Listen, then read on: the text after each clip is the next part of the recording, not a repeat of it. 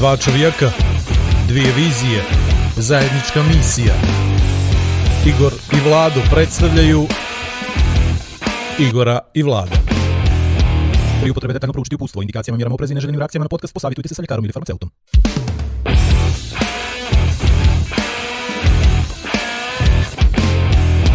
A da vi rečem. Vlado, Ajde. E, jesmo li došli do kraja sezone? ja za Braća- pjesmu, nema. Jel tako ide to? Braća Šateri tako kliču iza kamera, njima je baš ono dobro. Počeli su neće da nama, montaju. jeli? Ne zna nama dobro što je kraj sezone. jel? Kraj sezone, dobro, idemo na pazi, on ne zna da je kraj, shvataš? On je mislio da ćemo mi još da ih maltretiramo. Ne, ne, ovo je kraj, zadnja, E, zadnja epizoda, zadnja treće epizoda, sezone. Treće sezone i ovaj... Koliko imate epizoda ove sezone? A nisi ti još uključen Neka kako ti, da ti ćutiš, sjedi tu, ti sad, još- sad ima najava. Sad ide najava prvo, ti kao da nisi došao. Šta da Pa, radim? ovi novi što ih ne Ne. pripremimo, jesi vidio kako upadaju u... Nije, to ti je futbaler, to ti je, to ti je taj, to ti je to, brate, ja sam ti rekao nećemo E, futbaler u ovaj. podcast, a ti navaljuješ. E, Ali- baš o tome, E, sa- baš e, o ne, to prvi to- futbaler ne, u podcastu. To je to, ja sam rekao ću intelektualce, a ti kažeš ovo ti je intelektualac i futbaler, jesi tako rekao? Jes.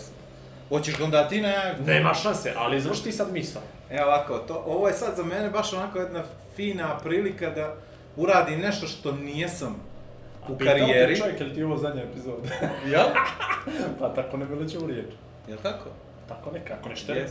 Ovaj, i meni intimno jako draga će biti ova epizoda, zato što ću sad uradim nešto što smo trebali da uradimo davno, ali prvi put sam se suočio prije 3-4 godine, sjetit će se on, sa činjenicom da je jedan mladi futbaler koji je napravio nešto u karijeri, da mi kaže tipa, uh, što ću ja, što, ja, ja zamolio za intervju, ajde da radimo nešto u studiju, ajde ovaj, da se ispričamo, da ti kažeš nešto što, što bi trebalo da kažeš, tako on kaže, neću ja, nemam šta da kažem, ono, nemam, pojma, zašto bi ja, zašto, zašto ću ja da gostujem, što bi ja gostovao, kao nisam ja ništa uradio, ajde sačekamo malo pa će onda, znaš, nešto, ja ono, znaš, tu zblanut, rekao, "Ja, moguće da je ovako sazreo, znaš, u tom trenutku, i nisam, nije mi bilo jasno u početku, ali sam shvatio, znaš, i onda mi se složilo neke stvari, td, itd. I sad kad smo dobili zadatak da bude neki futbaler u podcastu, meni je baš drago što, što je on pristao.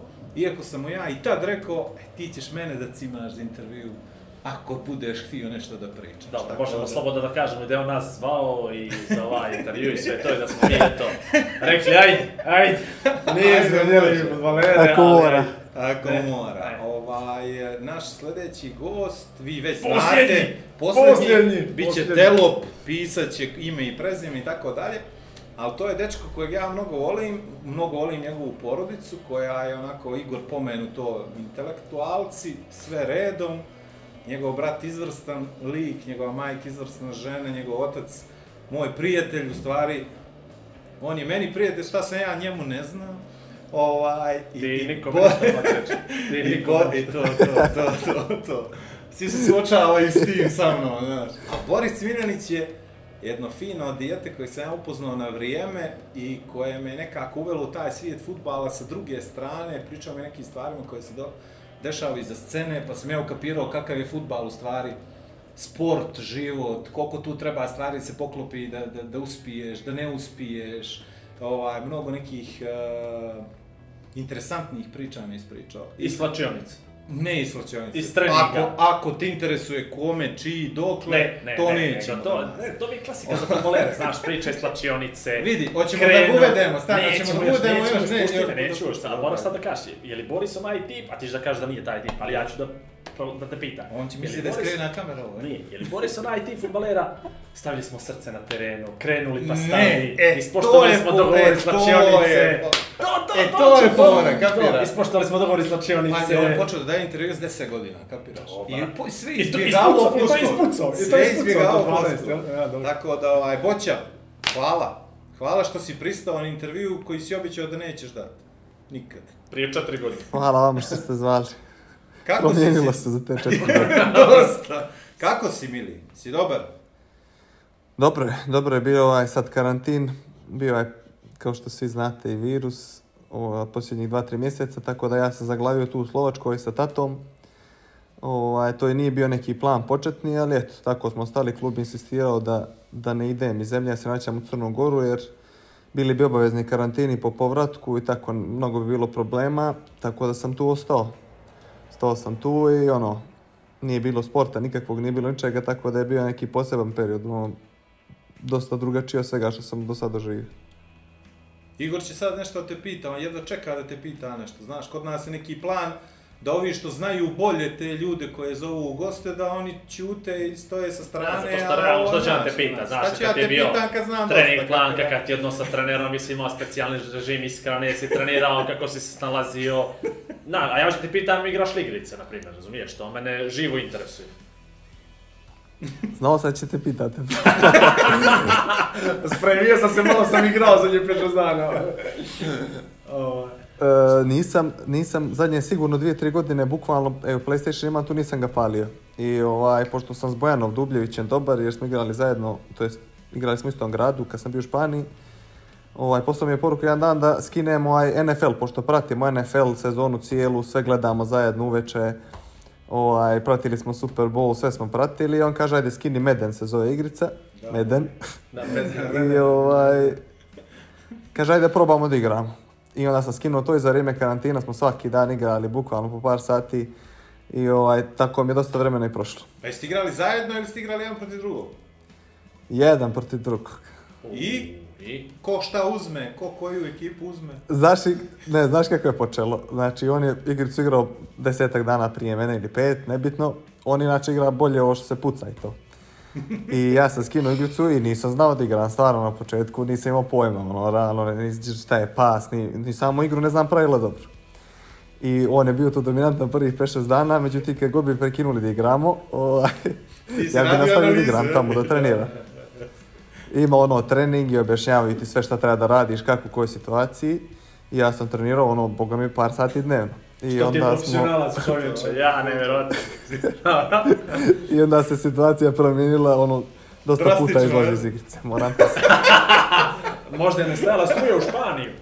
A koje birate? Ja koje mislim da je to. to je to, to oni su bili ugroženi ovaj, covidom. Ovaj, ko- koje ekipe izaberete? Znaš kako, koju god ekipu da izaberem ja, ovaj, ona je previše, previše jaka. A onako i on izabere, to su kao outsider i on igra sa slabijima da bi on nešto. Tako da šta god uzmem, bukvalno, znači osrednji tim, bilo koji tim nije bilo. A vidi, znači, ko sluša podcast, ne gleda samo da zna da je Boris već dva puta čima prevrnuo na ovo bolja A ekipa. si ekipa. Nikšićanin kad A gubi, si mu to. teško pane, znaš, je, Dubljević, mogu misliti. Ja sam ja sam bio vizualizovao kriv što sam situaciju. Da, to je to, to je to, to je to. Što si ti uložio, je li, određeno vrijeme da, Da, da, da, da, izučiš materiju. Dobro, stigli smo do kraja podcasta, ja sam ispitao sva moja pitanja. Ovaj, Vlado, možda preuzmeš. Boća, ovaj... E, zovu li, zovu li ga Boća? Boca, Ne, ja ga Boca. zovem Grivašu po ovom Dobro, špicu to, iz tim... nas kod nas Boca, Boća iz. Podgorice, Boris, to, nije to. Sad će da nam ispriča to. Igor mrzi kad postavljam pitanja, znaš, ono, gdje si se rodio, šta si radio kad si bio mali, ali ja mislim da je to bitno da neki možda klinac čuje, sazna nešto novo, možda krene da, da, da razmišlja na tvoj način, sličan način, jer neđe si sad baš i kroz ovu priču o igricama u stvari pokazao kako i na koji način razmišljaš o sportu i o tvojoj profesiji i o karijeri. Ali ozbiljno, ti si prvi bjelopoljac u podcastu. Imali smo Petra Popovića, on je bio prvi cetinjanin. Petar prvi cetinjak. Petar prvi... A pa šta ovaj, ste samo podgoričane zvali do sad, jel? Pa nije, nego, znaš kako, morali smo da iskažemo taj lokal patriotizam, navodno, zato što Igor iz Kotora, ja iz Nikšića, ovo je dijaspora neđe ođe za nas, znaš. Onda smo mi Da, svi ovdje, da, mi da. podgoričane, realno doživljavamo kao pripadnike neke niže vrste sugrađana. Mi smo nekako iznad njih, znaš, kad dođe Kotoranin u Podgoricu, znaš, to je to njemu. Kad dođe Nikšićanin, trešnja, višnja, znaš i sam kako to izgleda. ovaj, I onda smo Podgoričane nakon nekako uvažili. Eto, da ne ispane da smo im uzeli, si, ali da Kao, plaćamo gla- porez. kao glavni grad. Je, Glavni, glavni glavni grad. grad, glavni grad. Ali, Ajmo malo o tome, Bijelo polje, kako si počeo da igraš futbal, zbog čega? Šta se desilo tu? O što će Gdje- drugo da radi? Jeste, jeste li imali gdje da igrate? Iskreno, ne, ja se ni ne sjećam pola tih stvari, ovaj, kad sam bio dijete tako, o, samo znam da sam bio vazda s loptom po cijel dan i možda s nekih 5-6 godina, ne mogu sad tačno ti kažem, smo krenuli i Oleg i ja da treniramo. Oleg moj brat, sad je ovaj doktor, uskoro će specijalizuje, ako Bog da, i ovaj, pedijatriju. E, krenuli smo da treniramo, mene je zanimalo to, njega nije zanimalo, tako da je on ubrzo batalio, jer je rod- roditelj obavistio posle par treninga da ako očekuju da on postane futbaler, da će se razočarati. Tako da im je ovaj, već rekao šta ih čeka, a ja sam stvarno ono, bio po cijel dan sa loptom, školsko, ja sam živ, živim, to jest kuća je naša u Bijelom polju, odmah pored škole, gdje je teren, tako sam stalno bio na terenu, stalno sam bio sa ono ljudima od 25 godina koji su tu igrali, nebitno momcima, 16, 17, 18, ja sam bio dijete i stalno sam igrao sa njima. I tako je sve nekako i krenulo. Počeo sam treniram, uh, ko zna u Bijelom polju, Vunko je zatvorena fabrika, ovaj, tu je bio jedan stadion koji nije ličio ni na što naravno, ali u tom trenutku nama je to bilo super.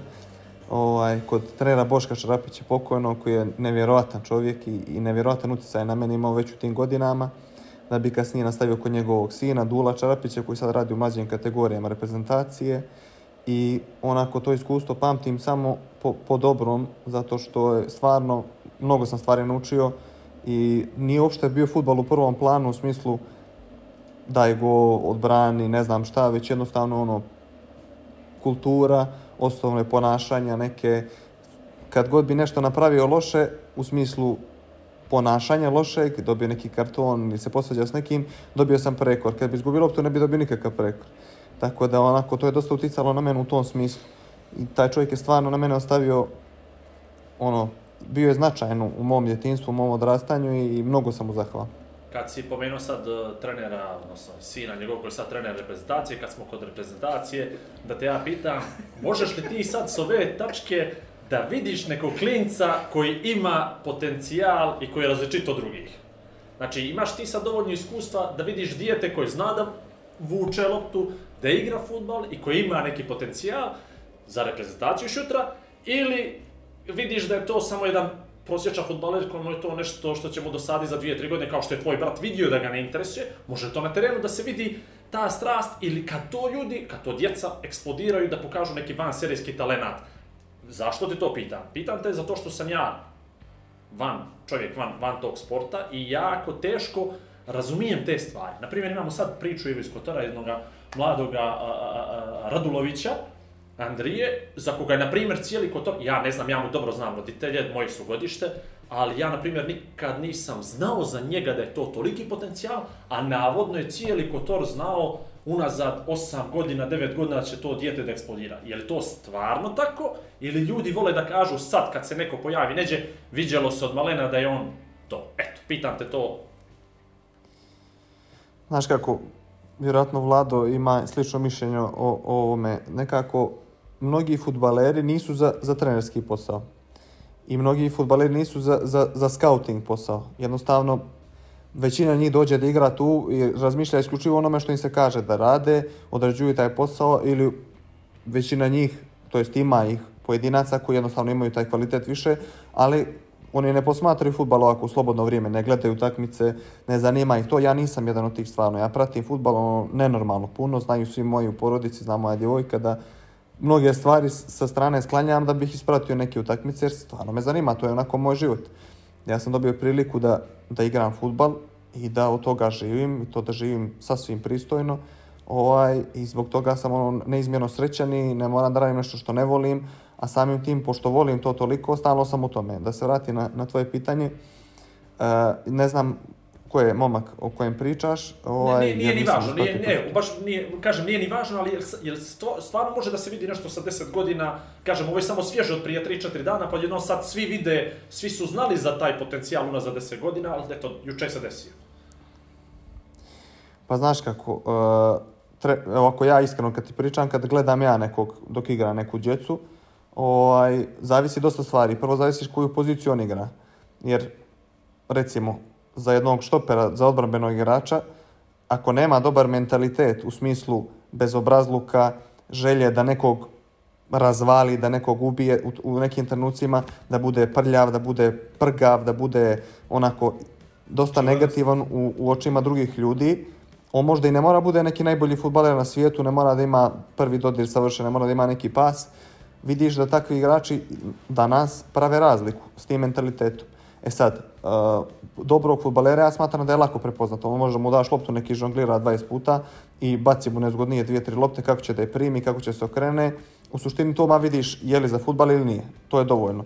E sad, za neki veći, veći ovaj nivo, mnogo stvari tu treba se poklopi u smislu uh, što mnogo ljudi na sa strane ne gleda je bezbroj futbalera koji su na treninzima mnogo dobri koji prave razliku na treninzima, međutim na utakmicama jednostavno nisu u stanju da to rade. To je pritisak koji oni sami sebi nametnu, koji im trener nametnu okolina, nebitno. I mnogo futbalera ne ispuni taj svoj potencijal zbog te neke mentalne strane. Zbog toga što više treniram, što više igram, što više ljudi upoznajem, shvatam da mnogo je bitna ta mentalna strana. Ono pričaju, uh, rad je najbitniji 80%, talena 10%. Ja bih rekao da je 70% glava futbalera i bilo kojeg sportiste. Evo ti primjer tog Bojana Dubljevića o kojem smo pričali na početku. To je momak koji jednostavno ima nevjerojatnu glavu, jer on iz inata igra protiv svih i iz inata hoće da ih pobjedi, da ih preskoči, da ih odgurne, da da više poena i inat je njegov glavni pokretač u svemu. Tako da to pitanje je dosta opštiro, ali u smislu, možeš je prepoznaš dobrog igrača, talentovano dijete, siguran sam da može za, svaki dobar trener za 5 minuta da to prepozna. Borise, to je ovo interesantno Igorovo pitanje zato što si ti praktično negdje prepoznat vrlo ran, rano kao neko ko se izdvaja od svoje generacije, ali tako? Mogućnost je naravno da si ti bio viši, brži i tako dalje.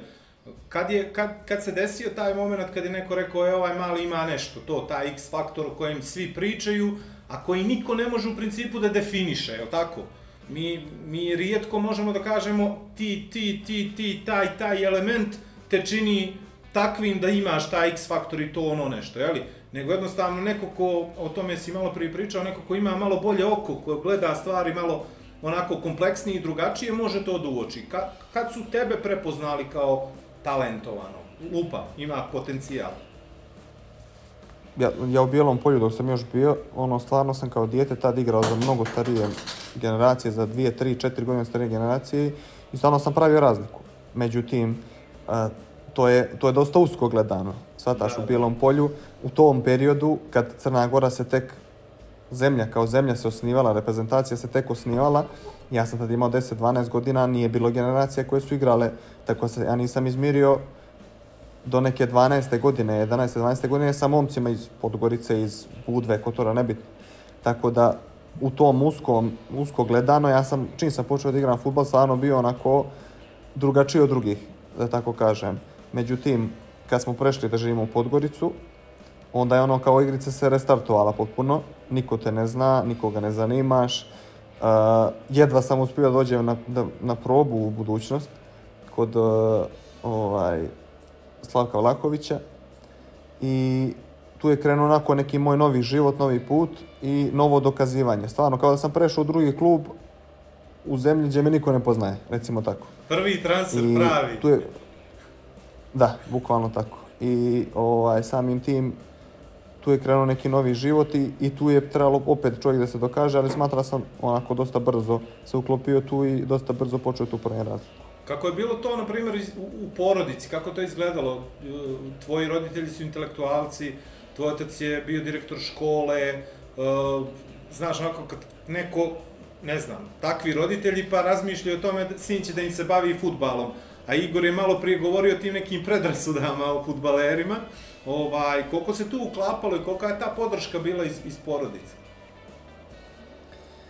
Pa znaš kako, mi u Podgoricu nismo preselili da bi ja igrao futbal ili nešto, već preselili smo da bi Oleg išao u gimnaziju, jer je to onako najbolja škola u Crnoj Gori i on je izuzetno pametan, inteligentan momak i oni kao naši roditelji su smatrali, pošto su i oni intelektualci, profesori matematike, fizike, da, da i mi treba imamo najbolje moguće školovanje. To što sam ja počeo da, da igram za budućnost u tom trenutku je čista, recimo, slučajnost. Eto, došao sam tu da probam treniram, da vide sam li dovoljno dobar i ovaj, nije uopšte bio futbal u prvom planu moje porodici. Majka i tata su forsirali školu, najviše je majka. ja kad sam potpisao ugovor za PSV, sa tih 16,5-17 godina, ovaj, i dalje nije bio futbal u prvom planu. I moja majka i dalje je forsirala školu i dalje je forsirala da ja završim gimnaziju redovno, da imam najbolje moguće ocjene i igrajući za prvi tim budućnosti već u drugoj, trećoj sezoni ja sam išao u školu i posle treninga i prije treninga na časove, na kontrolne zadatke, na pismene.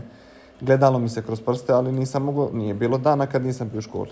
E, To je potpuno atipično, na primjer, za današnju situaciju kad klinci, evo čak imamo nekih primjera, da napuštaju osnovnu školu, odnosno završavaju razrede i osnovnu školu vanredno u odnosu na, na, na to što si ti radio. Koliko misliš da ti je to neko široko obrazovanje i, ajde tako kažem, što si morao da se boriš na dva fronta, da ti je pomoglo kasnije kad su U davanju, krenule u davanju izjava. prave borbe i u davanju izjava. naravno. Pa, znaš kako, ovaj, smatram da je obrazovanje izuzetno bitno i smatram da, da je to nešto kroz što svako dijete mora da prođe. Jednostavno, neke osnove moraju da budu tu. E sad, pazi, mi smo, nismo u Europskoj uniji, pa sad u ozbiljni klub nećeš otići prije 18. godine, to je sigurno. Tako da smatram da te 18. godine da ukoliko si stvarno super talentovan ovaj, i koliko si stvarno onako praviš razliku, čekate nešto sa strane, smatram da može odvojiš malo vremena da, da čisto, ovaj, ako se desi nešto, ne daj Bože, da si u stanju da nastaviš neki normalan život posle toga. Jasno. A? Ne znam, brate. Ti si vidi kako je pametan, jesam ti rekao? Znam, ali on sve to te ide, te uči, te niđe futbala ja ne vidim hoće. Pa, hoćemo li da pitamo za to? To se, to se desi, jel valjda? Jel? Pa ne no, to, to me... Kad ti se desilo to da, Da si fudbaler? da si, da stvarno se osjećaš bitnijim? Koliko je bilo godina kad si se osjetio bitnijim? Pa tako, kad sam debitovao za prvi tim budućnosti, recimo, tad napunio sam 16 godina, pet, prelazak 15. na 16. i kad sam prvi meč odigrao ovaj, za budućnost, Onda si uzeo ono, sto u znaš. velvet. Jel?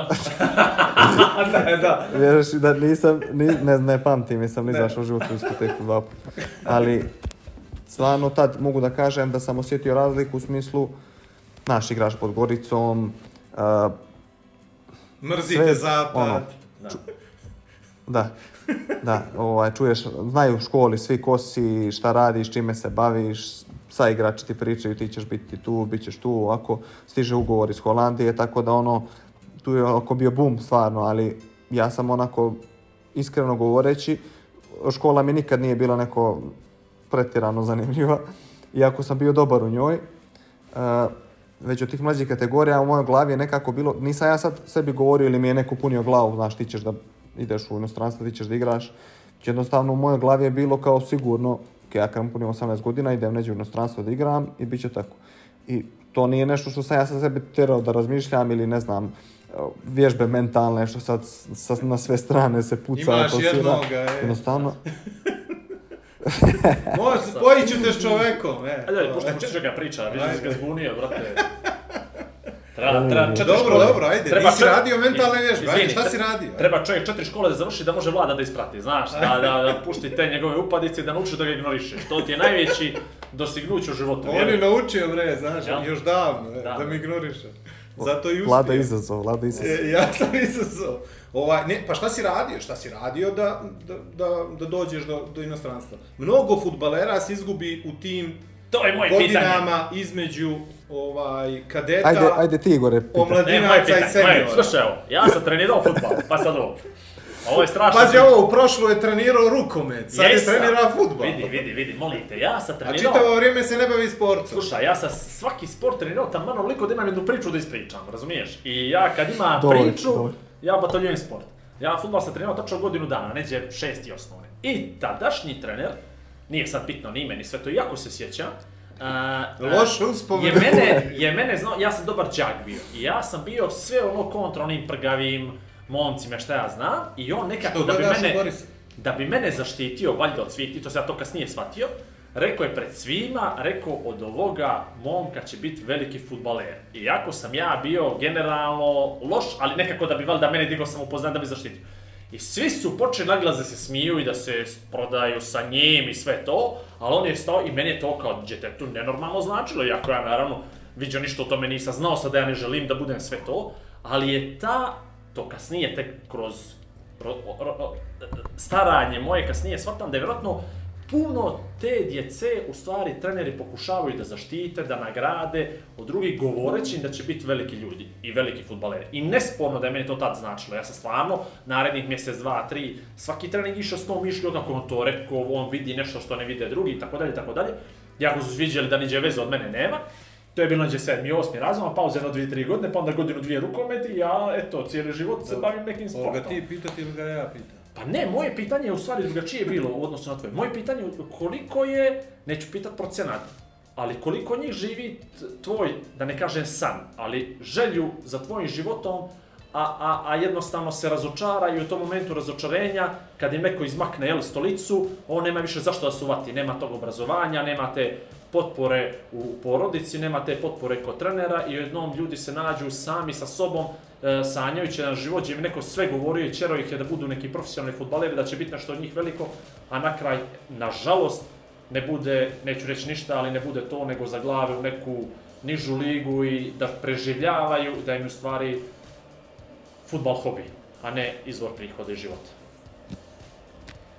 Jasno. Pa, nažalost, ima dosta takvih slučajeva. Mislim, kad pogledaš sve generaciju za generacijom kojim sam ja igrao, kako sam ih preskakao, kad pogledaš iz tih generacija koliko je izašlo futbalera, da igra u inostranstvu, da igra za reprezentaciju, jako je mali broj. Jako, jako, jako mali broj. Što znači da većina njih nije se ostvarila onome što je vjerojatno planirala. E sad, e, ta tema uticaja roditelja, trenera i svega, to je dosta opširno i onako o tome bi moglo dosta se razglaba, zato što Crna Gora je posebna zemlja. To nema, ja to nisam niđe sreo. To Ja ćemo to da niđe pričamo, nisam to sreo je tema. to je tema. Niće nebo Neđe, ne. nema, niđe te ljepote, da je vječna, da pričaj malo, eto, pričamo to. I niđe, malo niđe takvog mentaliteta. Kaži, što nisi sreo, niđe? I kažem, niđe nisam sreo takav mentalitet. Što je osim to? ljepote Što je, kakav je to mentalitet? Da, da ljudi vjeruju toliko u svoju djecu, to, mi najviše volimo Ne, svoju djecu nego jednostavno, ja mislim svaki roditelj voli svoju djecu, i šveđanin, i norvežan, nebitno. Međutim, mi u našoj djeci vidimo neki uspjeh i prosperitet, a smatram da to jednostavno ne bi trebalo bude tako. Ako dijete ne želi da igra futbal, nek ne igra futbal. Ne može, ne može se od njega napraviti futbaler ako on ne, ne osjeća ljubav prema toj lopti, jer dijete koje ne ode van treninga samo da šutira loptu sat, dva, tri dnevno i koje nije opsjednuto time, ja smatram da jednostavno to dijete ne može bude futbaler na nekom ozbiljnom nivou. E sad, koliko je momaka nije uspjelo, veliki je broj momaka koji nije uspjelo i meni je jako žao jer ih je bilo vrlo dobrih futbalera, zna Vlado jer je pratio sve utakmice, bukvalno je snimao, mi smo se od tad počeli naš odnos i zna da je bilo dobrih momaka koji danas, neki su na univerzitetima, neki su nisu ni završili srednju školu, neki igraju na nižem nivou i meni je jako žao što je tako, ali to je surova realnost i to, takav je život. Jednostavno ne možemo svi da uspijemo onome što zacrtamo ako ne zacrtamo dovoljno jako. A ako zacrtamo dovoljno jako, možda ne stignemo dotle nego neđe niže, a opet budemo zadovoljni. Tako da to je jedna ozbiljna tema, onako i dosta, dosta je komplikovano sve to. Uh, Borise, kad je, sad si pomenuo prvi ugovor, veliki, znao se da ćeš da ideš u Holandiju, PSV, kako se došlo do PSV-a? Svi nekako misle da je to lako, dođe neko, kaže ti ideš i završiš. Ti si dva puta išao, jeli, na određene trening kampove, ljudi su te gledali, dolazili da te gledaju, razmišljali, promatrali, razmatrali, tu je veliku ulogu imao tvoj menadžer. Kako si ti proživljavao te sve momente? Jer to je neđe ispunjenje sna, je li tako? Pa da, sigurno da jeste. Ovaj, ja nisam, nisam nešto bio sad previše u to zanesen i nisam previše razmišljao o tome iskreno, jer sam onako bio stvarno prezauzet, da kažem, što je čudno za dijete, ali stvarno škola, trening, škola, trening svaki dan, utakmice vikendom, da jednostavno nisam imao vremena sad da, da razmišljam o PSV i svemu tome. Počelo je tako što Igor Gluščević, moj agent, mi je rekao, hoćemo da idemo na probu u PSV, neđe su te viđali, hoće da, da provjere jesi li ti stvarno to što, ovaj, što se priča. Ja sam rekao, ajde, idemo na probu.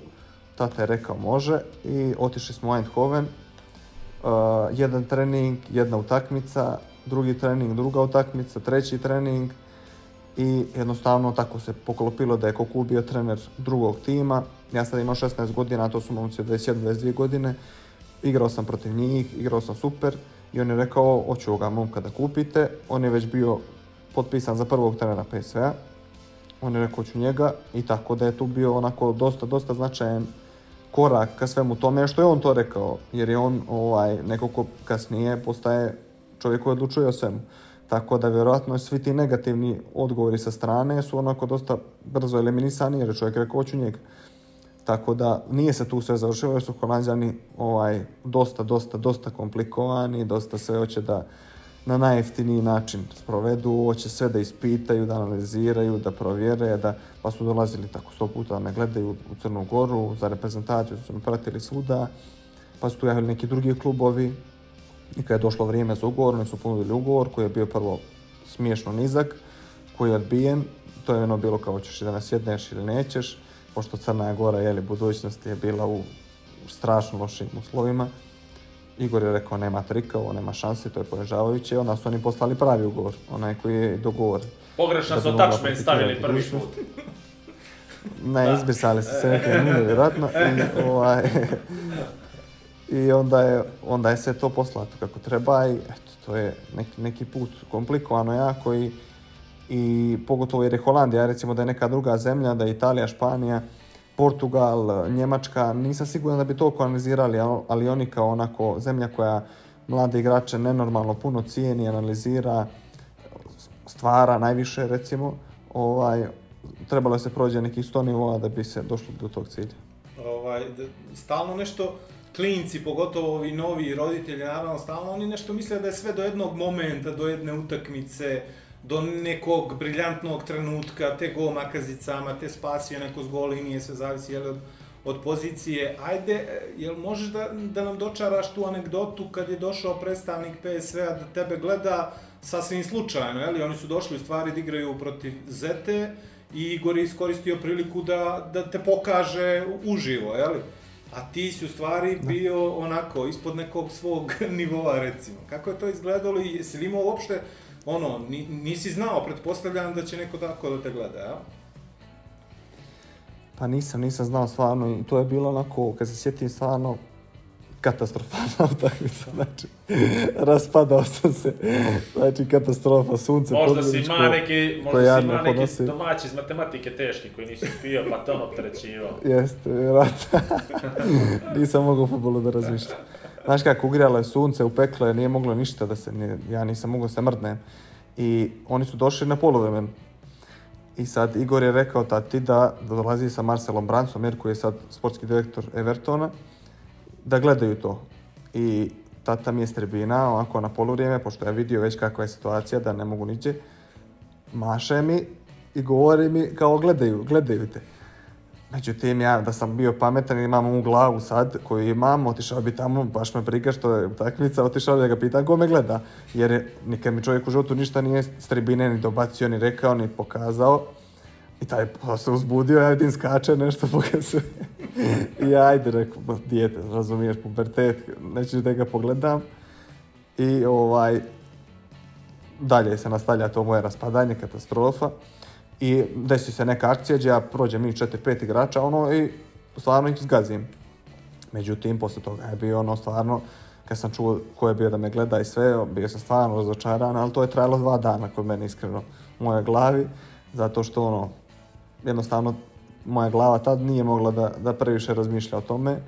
I ovaj, ali eto tako, to je dosta poučna priča za sve one koji misle kao ako odigraš neće loše, to će biti katastrofa, gdje je bitno. Ovo je Ili pokazatelj ako da odigraš nije, neće super, onda će sve da ti se otvori, jel? Znači nije samo, Da, ja nije da sport u suštini- incident, nego je konstanta, jel? To je to, to je bitno. to je neka, neka je konstanta, neka je konstanta, ali jako je bitan taj prvi utisak, recimo, koji se desi često kad dođe neko te gleda po prvi put uživo i prate te cijelu utakmicu, da ti odigraš super, da onako napraviš neke poteze. Jako je bitno kod svakog čovjeka taj prvi utisak. Smatram da, da to jeste, ali neka onako neki tvoj nivo u suštini ja mislim da igrači imaju određeni svoj nivo koji imaju u svakom trenutku malo gore, malo dolje, ili zavisno od utakmice, ali taj, taj prvi utisak jeste jako bitan, kad te uživo neko gleda prvi put i, i ako odigraš stvarno super, onako to ostavlja na, na ljude neki značajan, značajan trag ovaj, i kasnije u svemu tome kad te neko vidi lično kako se ponašaš gdje kamera ne snima, shvataš i ovaj, kako se krećeš bez lopte kad kamera ne snima, jer sve to ne može se vidjeti na, na televiziji. Tako da smatram da onako tu baš treba se zapne, pogotovo u tim trenucima, ali u suštini koliko si dobar, toliko si dobar teško može to da se nešto slaže. Tako je, bravo majstor. Dobro, ali ti nešto? Ili da ja nastavim? Ajde, nastavi, nastavi ja. Kakav je osjećaj kad potpišeš ugovor tako s velikim klubom? Eh, ovaj, kakav osjećaj, kakav divan je osjećaj, evo ja ću odgovoriti agent, osjećaj. Boris, tata, Jeste. A? Novi ne, mene interesuje ovo. To mene Pa pazi, interesuje. on je, ti on je potpisao ugovor i nije mogao da objavi, sad taš, jedno vrijeme. Jel tako bilo? Tako bilo nešto? Jeste godinu, godinu dana skoro. Godinu dana si to držao u sebe. E, zamisli koliko je žena propuštio zbog toga. Brate, nije no, možda ih je tamo i dobio, znaš. Možda da dobiješ da nije rekao, što su mislili da ostaje tu. Kako to izgleda, ono, Pušti kad ti ti izgleda, pišeš, potpiše, potpiše, ime, prezime, super, A znaš da si tad, ostvario si sam, riješio si neku egzistenciju, nešto ti ne meni ovo, kad si ti potpisao to i godinu dana, jer si ti onda fino rekao da si ti povrijeđen godinu dana, da se ne bi povrijedio. jesi Ne, povrijedili su ga ovi iz uprave. Jel? Dobro, ne, vidi ovoga, alo, čovjek on je pri... Nema veze, nema, što, nema šta da se... Ne, no, nije mi nemam ne pojma o čemu se radi. ovaj, mene, mene stvarno interesuje. Kakav je to osjećaj bez šale? Znači, potpisao si to, pušti to kakav je osjećaj, stavi olovku na papir. Isti, brate, za 10.000... Brate, ti si to jednom uradio 100.000 kad se ženio, ti si jednom uradio to kad se ženio i sad ti kao A ste ti, pokajao si, ti si se dva puta oženio. Ja sam to potpisivao, znaš, Ovaj se potpisio ovako, ga god pita, on se potpiše pred matičara s njom, maks tamo. Nego, reci ti meni ovo. Kakav je osjećaj kad ti godinu dana si u stvari u mislima na drugom mjestu? Mene to interesuje. Znači, ti si tamo neđe i znaš da eto ta eventualno neka povreda, eventualno nešto dobro, eventualno nešto loše, da može da se reflektuje na to sutra tamo, da ti ođe neki nesmotreni potez, udariš nekoga bez lopte, dobiješ nekakvi direktni crveni to, malo si veća zvijezda u momentu Ti nego što da jesi. si googlao čovječe. Daj, brate, nisam googlao čovjeka, pušti me, a to iz, iz ljudske... Dobro, iz dobro, pa ne nego ovaj crveni mi je interesantno kako je ti to. Pa, majke, Dobro, dobro, ajde. nisam googlao ništa, vidio si me gdje sam zadnjih sedam dana bio nić. Znači, kako sve to pod takvim pritiskom, po nekim zvonom, da sebe čak sačuvaš godinu dana i da se prezentuješ u stvari da daš ljudima ono što su oni, jel, potpisali, platili, naručili, da ti to njima isporučiš što su oni naručili samo godinu dana, bolje pakovano, svježije, pametnije, bolje. Je li to opterećenje? To me interesuje. A ne osjećaj potpisano papir. Pa sigurno da jeste opterećenje. Sad, moja situacija je bila specifična, jer onako klub i ljudi koji su bili u tom trenutku u klubu su dosta postupili prema meni onako nefer, recimo. Nisam dobio šansu da igram nakon toga, prije toga jesam, a nakon toga nisam. Nisam bio ni u kakvom planu, bukvalno. I to je prouzrokovalo dosta stvari koje su kasnije mene koštale.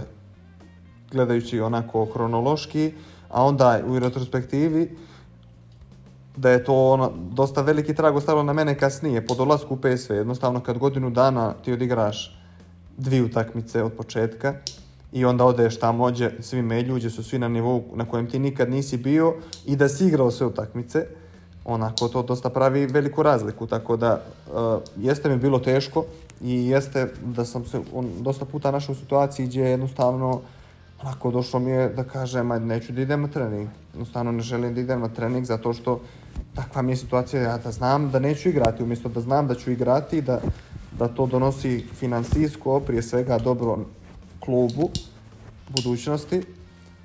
Nekako mi je to bilo logično, međutim to se nije ispunilo i tih godinu dana su mi dosta teške bile stvarno jer pukla mi je zadnja loža, povrijedio sam se, pa sam se tu oporavljao toga neko vrijeme, pa sam se onda vratio, nisam dobar oporavak imao, jednostavno, nije to nivo neki ozbiljan bio u tom trenutku u budućnosti, ljudi koji su bili zaduženi za to, nije ih ni bilo gotovo, tako da sve je bilo u nekom stanju raspada tad i milo mi je da vidim da sad nije tako. I jednostavno ta, ti godinu dana su dosta neki, moje sljedeće dvije godine u Holandiji formirale neku, neku podlogu koja je stvarno bila loša. A reci mi, uh, bijelo polje, imaju igrača u PSV-u i ti se jednom vratiš u rodni grad ili se vratiš u Podgoricu, ajme malo te ljepše stvari. Jesi li ti heroj, mislim jesi heroj, ali kako se ti osjećaš, znam kako te ljudi, pretpostavljam, doživljavaju. Mala sredina Bijelo polje kao što je mala sredina Nikšić, na primjer, ili ovaj... Kotor. Kotor, eto, tako, ili Cetinje, ili nešto, ajde da Podgoricu ne diramo.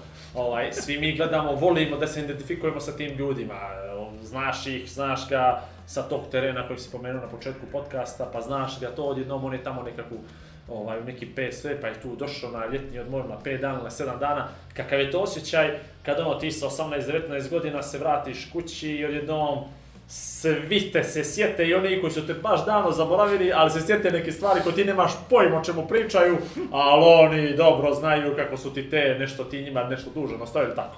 Tako te neke stvari. Kak, kakav je to osjećaj? Ja, eto, nisam imao tu priliku da to osjetim sam, pa eto, pokušavam od drugih ljudi da, da to izvuče. Pa znaš kako što se tiče Bijelog polja, ovaj, stvarno bi bilo prelijepo da, da se vratim tamo među momke s kojima sam odrastao, koje sam proveo ono, najljepše godine sigurno svog života. Ovaj, gdje stalno sam bio sa loptom i sa njima, da se vratim, da im donesem opremu PSV-a, da, da ih ono, počastim svim što mogu da ih u tom trenutku počastim u toj svojoj ulici. Ovaj, to je bilo stvarno prelijepo. Što se tiče same Podgorice, e, nisam iskreno nikad neke posebne previše ljudi, veze se previše ljudi ostvarivao. Znam Vlado da ja nisam takav tip, da nisam okružen s previše ljudi uopšte, ali ti ljudi koji su mi značajni, oni su već i bili u Holandiji kod mene, uh, djevojka najbolji drug, još neki drugovi sa strane.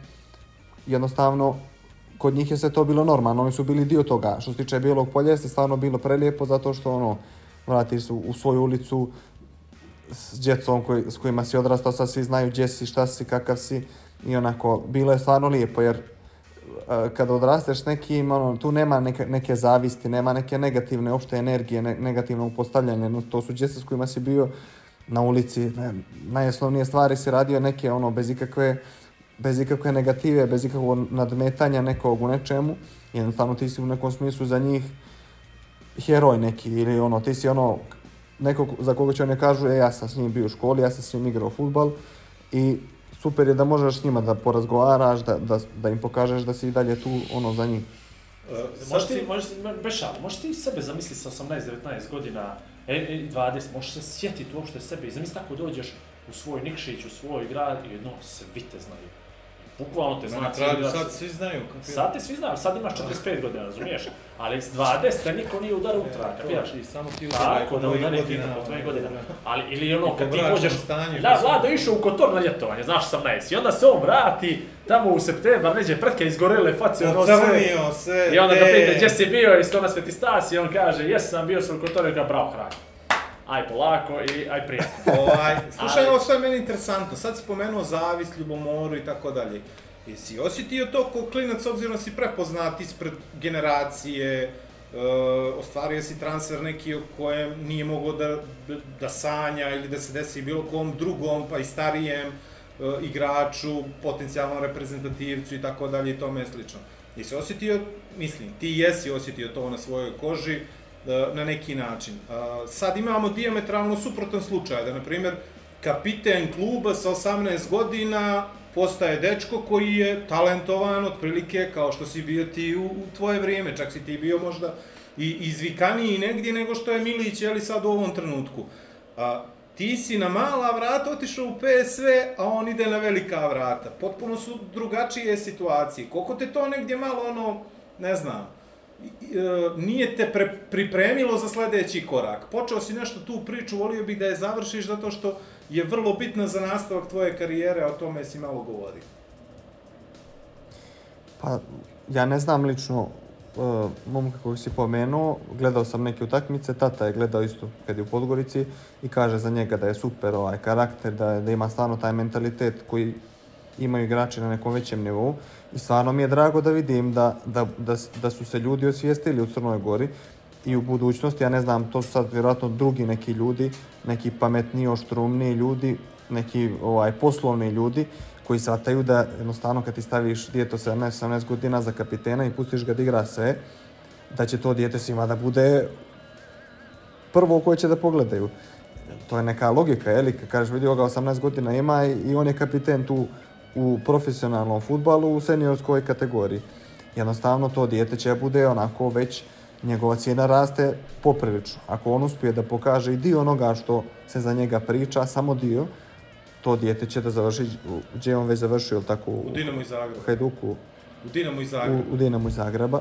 Eto, još A bolje. prije, a prije Tako da, svega je vidiš. stekao neko samopouzdanje koje je mu jako potrebno za neki naredni nivo, je tako?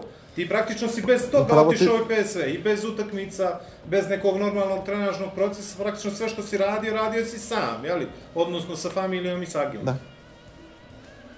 Pa, eto, zamisli kako se to sve izdešavalo. da Neko bi sa strane mislio, otišao je pripremljen i sve to, a zapravo sam klub me stavi u situaciju gdje sam tamo otišao u poprilično lošem stanju, umjesto u najboljem stanju u svom životu.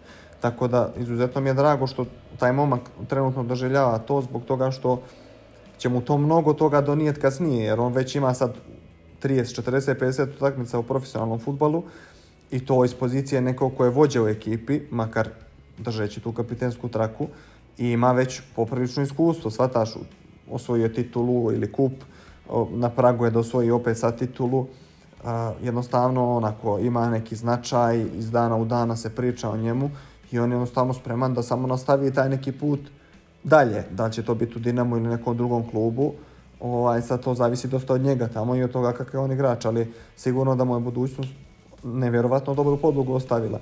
I samim tim ovaj, smatram da je to put za Crnu Goru, jer Crna Gora i klubovi koji su tu, bilo ko da je talentovan dovoljno da uđe u prvi tim od mladih igrača, ja smatram da je obavezno da on igra utakmice. Znači, obavezno je da, da nam liga bude što je mlađa moguće i pravila koja su uvedena, je da budu još rigoroznija, da, da moraju mladi igrači da igraju jednostavno, jer će samim tim i ono što je Igor pominjao ranije, neće ih biti. 90% u nekim nižim ligama ili neće igrat, nego će svi ti mladi, makar igrat tu, razumiješ, za neki novac u kojem će, od kojeg će moći normalno da žive, igraće u, u, u prvoj ligi, mlada će liga da bude, igrači će se prodavati jer se sad sve gleda, sve se prati, tako da mislim da je to sigurno put svake slabije lige i svake manje zemlje. Uh, dovoljno si pametan da vidiš neke stvari i ja bih sad volio jedan tvoj, da, da mi ti u stvari kažeš meni. Ja, ja sport posmatram iz jedne druge, druge perspektive, a to je ta uh, entertainment, uh, business varijanta. I mene to strašno interesuje, mnogo više od ove ko ima bolji for, ko ima boljeg agenta. I ne, ne traži ti od tebe da upoređuješ uh, holandsku ligu, slovačku ligu sa crnogorskom. Ne tražim. Ali me ovo interesuje. Koje zvanje u crnogorskom futbalu fali? Znači, ajde da imamo trenere, neka ih imamo sa svim licencama, neka imamo menadžere, neka imamo direktore klubova, da ih imamo, mlađi su, sve su mlađi, sve su pametniji, sve su bolji, ali što nam tu fali?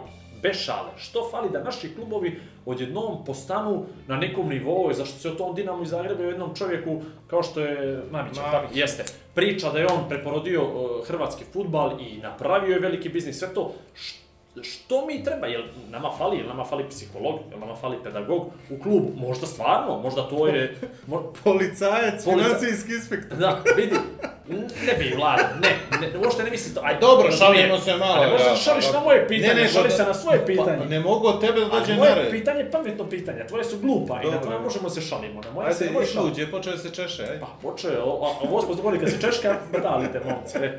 To je prije, to je prije emisije. Ovaj, znači, imali, jesi vidio neku funkciju u svim tim klubovima kojima si bio, koji su sigurno dosta uređeni i širi, da, da misliš da bi mogla da donese nešto bolje, pa ako treba neki psiholog, da ja i Vlado neki kurs upišemo, dok smo na vrijeme, što ću jutra ti u Sutjesku, ja pođem u Bukelja, nešto kao nekakvi priučeni psiholog, i pričamo s ljudima i od tih ljudi napravimo bolje Motivacioni fudbalere. govornik. Guru, guru, guru. guru, Ne guru. znam, mo, molim te, ne upoređuj lige, ne upoređuj klubove, ne upoređuj ništa, samo reci, jel nam fali nešto, ok, bolji direktor i bolji sve, ali jedno, fali nam neko zvanje. Mislim da nam ne fali znanje, nego jednostavno, kao i svemu u životu, onako imaš neke nivoje, sad mislim da smo mi na slabijem nivou, jednostavno od, od ljudi koji tamo rade. Nemaju oni nikak, nik, ni- nikakav, nikakvog igrača između linija ili nešto kojeg mi nemamo. Jednostavno imaju ljude koji su u tom svom poslu koji rade posvećeniji, bolji, kvalitetniji, naučeniji i bolje ga sprovode. I to je sve. Isto kao što je u futbalu. Crnogorska liga je slabija od Njemačke zato što momci koji su u toj ligi igraju bolje. Sve se na to svodi na kraju. Jednostavno, kvalitet je mnogo bitan.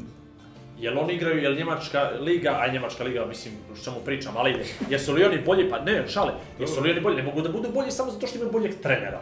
Znači, naši treneri su kvalitetni, ali ovi možda imaju u stručni štab još sedam kvalitetnih ljudi, jedan se bavi samo golmanima, ovdje se možda niko ne bavi jer se bavi jedan, on se ne bavi troje ljudi, jedan se bavi, dvoje se bave skautingom protivnika, kod nas se to niko ne bavi zato što nemamo para za to. Je, je li fali tu nešto da bi mi mogli sa više sredstava, sa svim tim, da dovedemo ljude, bolji fizioterapeuti, bolje bolnice, liječenje, sad da, da se ne vraćam na, na to nešto, je li, pa dobro... Igor, hoće da te pita s koliko ljudi si radio u budućnosti, a koliko te dočekalo u Holandiji, kapiraš? Bravo, kako pa, e, a mene pitanje traje 4 minuta, ali Vlado ga prepriča za sebe. E. Znaš kako, razlike, mislim, da sam otišao iz, iz budućnosti u, u, ne znam, u neki drugoligaš uh, holandski, sigurno da mi ne bi bio sad neka promjena strašna. Međutim, kad odeš u šampiona, uh, Lige šampiona, kad odeš u tim gdje su bili, pazi, Ronaldo, Romario, Van Nistelrooy, Koku, Van Bommel i svi ti ljudi, to je klub koji je mnogo bogat. I sad tom, u tom klubu ništa ne može da fali šta god da se desi, ti imaš čovjeka koji je zadužen za strance, koji je zadužen za tebe, imaš pet fizioterapeuta, imaš tri kondiciona trenera, imaš sto trenera, jer jednostavno kad si na akademiji, kad sam ja bio od 18 godina, igrao sam za PSV Young, za taj drugi tim, to je bio u sklopu te akademije. Mi smo, mi smo igrali na glavnom terenu akademije i trenirali smo na akademiji, koja je odvojena neki 200 metara od prvog tima. I sad na toj akademiji su svi zajedno. I ti ne treniraš svaki dan, ne treniraju ti isti treneri pomoćni. Jednostavno, tu se mijenjaju mladi treneri, stari treneri. Svima se daje neka šansa i između njih je neka, neko takmičenje. I sad imaš nenormalno puno kvalitetnih mladih ljudi koji su u sistemu jednom jednostavno danas si sa U12 kategorijom, sutra sa U15, U19, a svuda se isto radi. I ti niđe ne zaostaješ kao trener. Samim tim ti to, kad dođeš u prvi tim, ti već znaš sve od ponedeljka do nedelje šta treba da se radi, kako treba da se radi. E sad, to je, to je već druga priča. Znaš, Belgijanci su, na primjer, imali onu priču, Vlado zna, gdje su stavili da svaki klub mora da igra isti sistem i da taj sistem mora da se igra na isti način. Znači, 4-3-3, da bi nakon 10 godina, ili koliko, 12-10 godina, izašli Hazard, De Bruyne, Lukaku, napravila se generacija koja je bila na svjetskom, šta, bronzana, koja je na evropskom bila ne znam šta. Jednostavno to je neki sistem koji svi poštuju. Sad u Crnoj Gori koliko će trenera da u najbitniju utakmicu u sezoni stavi momka od 21 godinu ili 20 godina gdje mu se radi o glavi, gdje mu se radi o njegovom poslu. Ili će stavi nekog od 33 godine koji igra tu ligu već 13 godina. Znači, nijedan trener neće stavi mlado igrača. Dok u Holandiji on će stavi mlado igrača i da mu da šansu. Jednostavno tako su naučeni.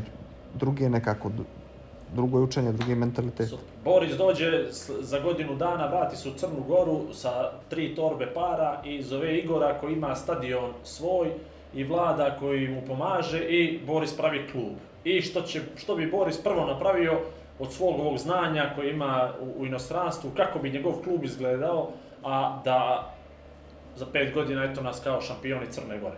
Kako bi ti postavio sistem rada, ne moraš mi pričamo o strukturi, o svemu tome. Što bi to bilo drugačije, što bi ti napravio iz korijena, a što ođe možda neko nema petlju ili nema znanje da bi, da bi uradio?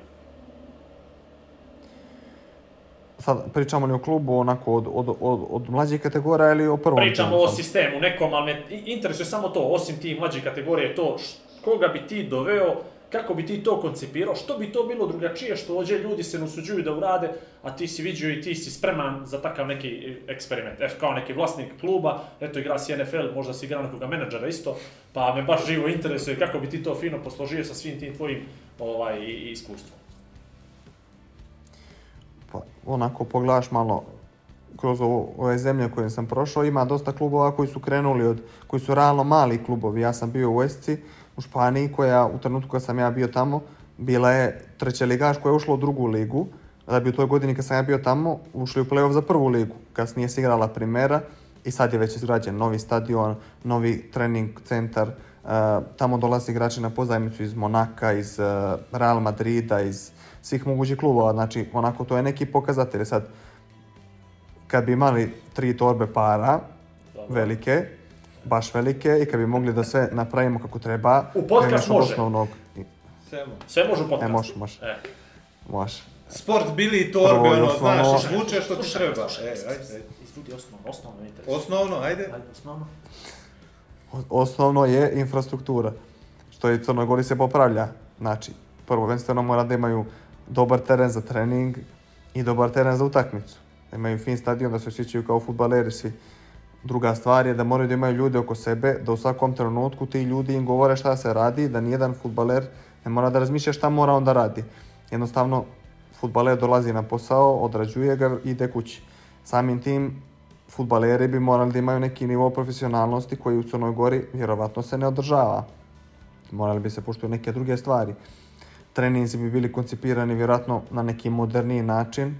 Ovaj, samim tim bi se i igra bazirala dosta na tim treninzima i bilo bi, igra bi bila dosta drugačija nego što je u Crnoj Gori. Sad, realno. Samim tim, dalje, ako ideš, morao bi da imaš para da dovedeš kvalitetne igrače, eventualno na pozajmice iz nekih drugih liga, koji će doći tu da ti osvoje titulu 2-3, neki eventualni treći krug Evrope, gdje ćeš ti da zaradiš još više para i kad već ti odeš na tu europsku cenu, tu se sve mijenja. Kao što je sam Dinamo Zagreb bio uvijek veliki klub, međutim kad uđu u Ligu šampiona 3-4 godine za redom, ode Dani Olmo iz Barcelone tamo ovaj, da igra kod njih jer zna da su tim Lige šampiona i neće on mnogo da izgubi ako ode iz Barcelone u neki tim koji igra Ligu šampiona gdje će mu se dati velika šansa. Tako da neki moj onako put mislim da je da ovaj financije su jako bitne, jel ne možemo sad da se lažem, ali isto te neke pozajmice mladih futbalera iz jačih liga moraš ih dovući nečim. Dobrim stadionom, dobrim uslovima za rad, profesionalnim ljudima u klubu, da jednostavno oni vide da ako odem tamo godinu dana iz neke Češke, iz neke Slovačke, iz neke Poljske, ne znam, ako odem tamo da neću izgubiti, u smislu neću imati da treniram individualno, neće biti niko da mi neću imati teretanu, neću imati individualan rad s trenerima, neću imati ovo, neću imati ono, već imat ću super teren za trening, što je prvo što ja gledam kao igrač, da su uslovi dobri.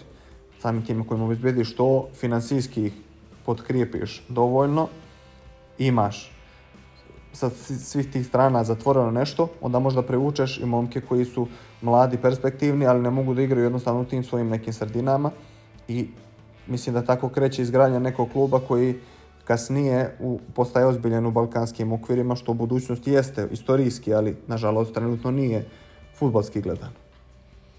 Pričao si sad o profesionalizmu, ajde da se vratimo na jedan dio koji meni uvijek bio fascinantan, a to je kako si ti u stvari, uh, kad si potpisao ugovor sa PSV-om, koliko, 9 mjeseci, godinu dana učio holandski jezik, koji nije, jeli, lak za naučiti, ovaj, a kasnije, na primjer, kad si opet otišao tu u Huesku, bio si spreman da prvu izjavu na preskonferenciji daš na španskom jeziku. Koliko je tu vremena, strpljenja potrebno, dobre volje, zbog čega si to radio i koliko je teško, na primjer, bilo drugim igračima s našeg prostora koji su se zadesili praktično isto ili slično vrijeme s tobom, da neke stvari ne mogu da isprate na taj način kako si ti pratio. Pa sigurno da je značajno. Mnogo je značajno i sad sam taj trud koji uložiš, dosta cijene ljudi u tim sredinama. Jednostavno kad ti dođeš i potrudiš se da pričaš njihov jezik, izvjesni nivo poštovanja, ti već i respekta ti kod njih si stekao. A sad to je jedan jako bitan početni korak što se tiče društvenog života, jednostavno sa igrači, ako ne pričaju engleski kao što u Španiji ne pričaju, moraš sa njima da imaš neki odnos, ne, ne samo futbalski, već i van futbala, jer jednostavno otrenirate, vi ste sat i po prije treninga tu, sat i po posle treninga, zajedno idete u karantini, sve, nećeš da ćutiš sve vrijeme i da, da ni sa kim nemaš nikakav odnos i kad odeš onda odatle, da nemaš ni jednog druga i nemaš nikakav kontakt. Tako da sam jezik je jako bitan i moj savjet je svim momcima koji ako odu neđe potencijalno ili imaju nešto za, prek, za inostranstvo, da se jako posvete tom učenju jezika, jer im je jako bitan u smislu ne možeš da odeš na sastanak gdje se priča o taktičkim stvarima i da ti ne razumiješ 90%. Jednostavno ti si u ogromnom deficitu. Ne samo što si u deficitu što ideš iz zemlje koja te neće obrazovati taktički kao futbalera dovoljno da bi bio tamo, nego ni to ne razumiješ što ti on objašnjava. E sad, 5, 10 puta, 15 ili 20 puta, o- o- on će se potruditi da ti objasni. I, I stalo mu je do toga. Ali već u čovjeku je, ako ja tebi 20 puta objašnjavam i ti nisi razumio, 21. put i opet me ne razumiješ, počet ćeš da mi iritiraš na, na nekoj toj osnovi, shvataš? Jer te nije briga, a da te briga, potrudio bi se da, da, da se da, da na, nađeš neka sredstva da, da razumiješ sve to. Samim tim jako je bitno u tom nekom smislu da kad ti ne ide dobro, da ti je to neki plus. A ako ti ne ide dobro u nekim trenucima i ako nemaš tu osnovu, to, to je taj jezik i to neko poštovanje nemaju prema tebi, onda i propadaš kao žeton. Znači, kao žeton. Vidi, ja volim žeton, bači pa dobiješ jedan život, znaš. Tako da ti je, moraš da poradiš malo na tim asocijacijama. Ne propada se, žetoni su dobri. Ali Ovaj- vidi, ali vidi kako je to dobro, vidi kako je to pametno, kako je pametno rekao. Znači, realno ima. Šta nije pametno rekao, šta? Pa ima neki stvari što nije pametno rekao, ima nešto. Na primjer, na primjer ono kao tri pune torbe para velike, znaš. Ja bi To, to... to si ga ti naukao? Ne, ali to se u Crnom Goru radi, To doneseš je pola moja torbe. priča bila. Ne, preznojili smo ga, ajde, raskopčao Crnogoru se. U Crnogoru se to ovako radi, doneseš pola torbe, kaže da imaš još tri takve i kreneš. I onda, znaš, plaču ljudi prvoga. Ovo, ovo, ovo mi strašno sviđalo. Znači, pa si sad, uh, svi imaju futbalere, svi sportisti imaju te uspone i padove. Jel, no, ne, neđe normalno. Pa si sad ono kreneš da padaš, a on u stvari nema zašto da se zakači za tebe. Znači, ni nepoštovanje prema jeziku, prema kulturi, prema tvom zalaganju, svemu tome, i on što kaže, propadaš. Propadaš zato što je on, a on u stvari vidi, jel, njega, nekog obrazovanije momka koji se ono trudi, koji da se od sebe, okej, ne ide ti u periodu, mjesec ti je pun, ne možeš da spavaš, krvni pritisak, gluposti, i da ti šansu, zato što vidi da se ti trudiš. I ti jednostavno u nekom momentu, najkritičnije možda za klub, naj- isplivaš i odjednom postaneš i vrednovan kao igrač, da ne kaže heroj, ali vrednovan i cijenjen i sve to. I to je jedna, ovo je baš, bez šale, ovo je jedna od najboljih pouka o svemu tome. Znači, onda se trudiš da daješ poštovanje prema drugima, pogotovo prema starijima, tuđoj, tuđoj kulturi. Vidi, kad stranac dođe u Crnoj Gori, pa krene da ti kaže zdravo, o, pizza, pivo i to, pa te kupio za cijeli život, jel? A nešto drugo, da, da, da krene da uči Stranac naš i jezik. Crnoj Gori kaže pizza?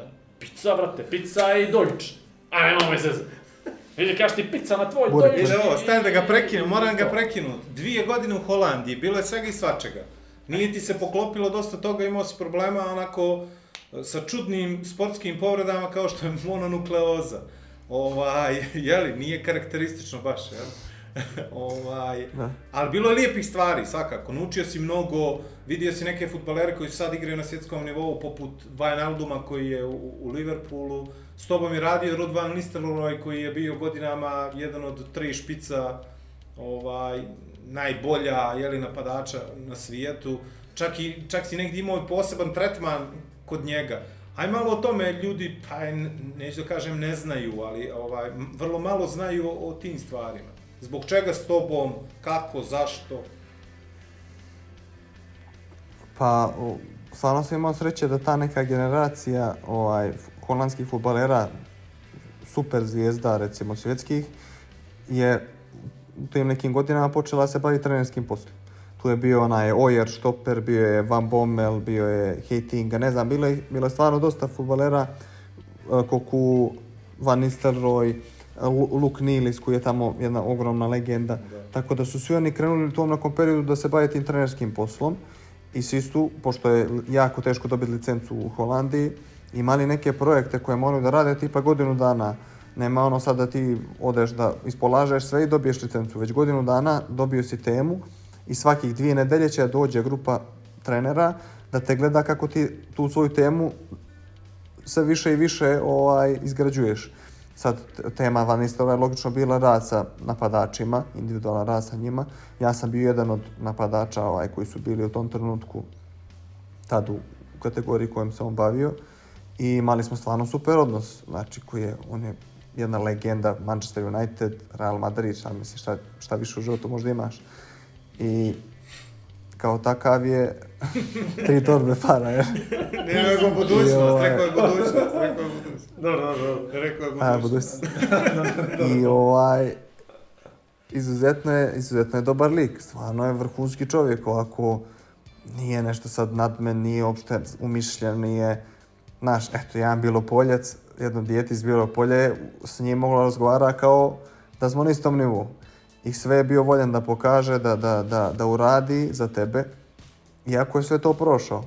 Tako da, jedno neizmjerno veliko iskustvo, sigurno.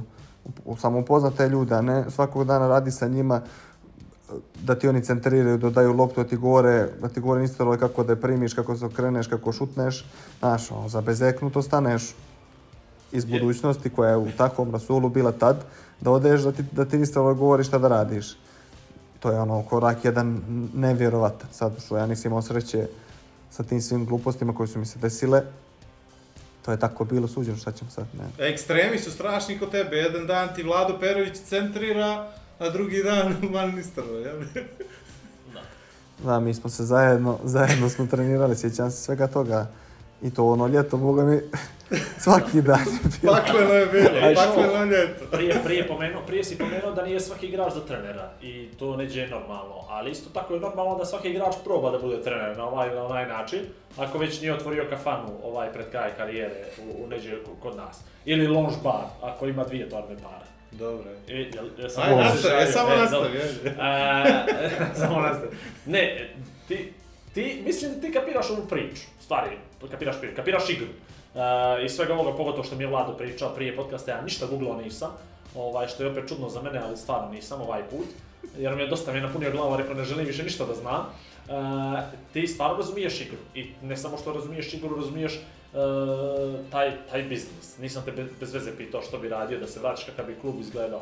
Jer stvarno vidiš sebe, dobro, mladi si još uvijek, ali vidiš li sebe kao nekoga ko, ko stvarno može da napravi neku promjenu sutra, ne pričam ponovo o Crnoj Gori da ne misle ljudi, nego generalno u svijetu, pogotovo u tom nekom trenerskom poslu. Jel možeš da sebe prepoznaš e, kao takvoga ili jednostavno ćeš da se makneš ovoga futbala kad se završi i da se ono okreneš glavu od njega? Ne, sigurno bih htio da budem trener. Ono, to je onako, trenutno moja neka jedina, da kažem, ideja nakon futbala šta bih radio. Jako se nadam da neće to brzo ovaj, uslijediti, ali sigurno da bih htio da budem trener, zato što smatram da iz nekog svog ugla, kao momak koji je prošao sve ovo što je prošao, a još će proći, nadam se dosta, dosta neke momke ću moći da razumijem iz nekog drugog ugla koje smatra da treneri baš zapostavljaju nevjerojatno. Znači, ne samo s futbalske strane, nego i sa ove druge životne strane, da jednostavno shvatiš da taj futbaler je u suštini dijete, momak čovjek, koji prolazi kroz neke svoje faze, jednostavno kad, ono, ja sad kad gledam sebe nazad sa 18 godina, taj period vidim kao da uopšte nisam razmišljao svojom glavom. Znači, kao što nisam bio svjestan nekih stvari koje sam radio, kao da nisam trezveno donosio odluke, kao da nisam analizirao ništa na neki pravi način. Ili jednostavno sam previše analizirao nešto na pogrešan način, da bolje tako se izrazim. Sad, iz ove svoje glave trenutno, bih milion stvari promijenio, naravno, u tom periodu. Dosta je u futbalu onako zasnovano sve na nekim nekim osnovima koji su dosta prizemni, tipa ti mene poštuj, ja sam tu glavni, ako me ti poštuješ, ja ću tebe da volim. Ako me ti ne poštuješ, neću te volim, imat ćeš problem sa mnom. Svi koji su s tobom dobri, ako me ne poštuju, neće ni oni biti u dobroj situaciji. Sad, ako ja tebe otpišem nakon što mi ti od, odgovoriš na neki nekulturan način jednom na terenu, ja shvatam da treneri moraju da imaju neki svoj status tu, da moraju da budu poštovani, ali isto moraju shvatiti da jednostavno čovjek griješi. Mnogo ljudi je griješilo, evo, Messi, Ronaldo, svi su dobijali crvene kartone, griješili su, grupirali su se, a na takvom su, tako, takav je fokus na njima da jednostavno to ne bi smjeli sebi da dozvole. Sad ako ti neko iz, ko trenira u grblju budućnosti, bilo gdje drugo, ne, ne, ne, ne postupi kako treba i ti skočiš njemu za vrat i, i još ga spustiš dublje i dublje, pa šta će od njega da bude? Neće nikad ništa biti. Ne treba da dajemo lažu nadu, kao što si rekao na početku, ali sigurno da mnogo stvari dublje treba se gledaju od isključivo ti si mi dobar dok igraš dobro, loš si mi kad igraš dobro onda ću da te sklonim, neću uopšte da razgovaram s tobom.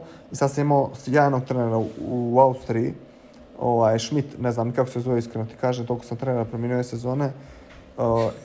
Čovjek je došao, iz, bio je u Matersburgu, bio je u Matersburgu i ovaj, baš me, baš me oduševio kao trener jer iako sam se ja povrijedio u tom periodu nisam nešto previše igrao, svima je posvetio vrijeme, svima je dao vrijeme za razgovor, sve u stanju bio da sasluša i sve da zapamti i da se prema svemu tome odnosi, da ima, gradi neki odnos sa tobom.